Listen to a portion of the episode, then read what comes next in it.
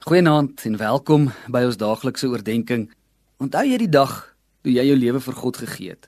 Kan jy onthou hoe passievol jy was? Hoe jy gereed was om die wêreld te verander en almal wat jy raakloop van die Here te vertel?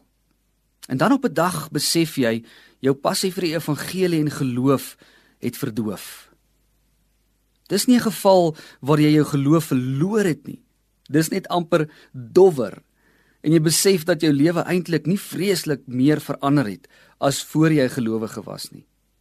Al jou ambisie oor hoe jou lewe nou anders gaan lyk en hoe jy jou lewe volgens die wil van die Here gaan inrig, dis weg. Of dis ten minste vir 'n oomblik in die kas gebeere. Nou niks het regtig verander nie. Jy besef dat jou geloof eintlik maar net kopkennis is. Nou in 1 Petrus 1 vers 13 sien ons hoe Petrus vir die gelowiges teen bloot net kopkennis waarsku. Hy sê vir hulle dat hulle nigter en wakker moet wees.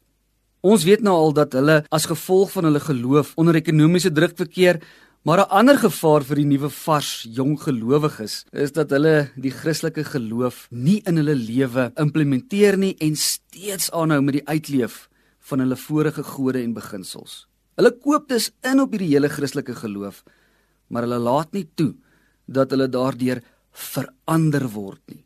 Petrus praat van 'n heilige lewe. Wanneer ek met mense praat, dan hoor ek hoe hulle hierdie hele idee het van 'n heilige lewe as as 'n persoon met so lang wit rok en so goue kroontjie op hulle koppe, amper soos die uitbeeldings wat ons sien van Jesus en van engele. So amper asof heilig beteken dat ons met 'n mooi, skoon wit rok in die strate moet rondloop. So amper asof ons nie meer mens kan wees nie. Kan heiligheid nie eerder meer te doen hê daarmee dat ons juis meer mens moet word nie. Ek dink dit was C.S. Lewis wat dit ook vir ons gesê het. Mens soos wat soos wat God bedoel het nie. Mense wat in verhouding met hom leef en daardeur daagliks vernuwe word en meer mens word.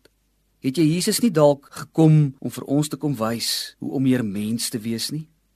Miskien help Petrus ons om weer ons geloofspassie te herontdek. Geloof wat wat meer is as net kopkennis. Geloof wat beweeg en ons konstant verander, ons konstant vernuwe.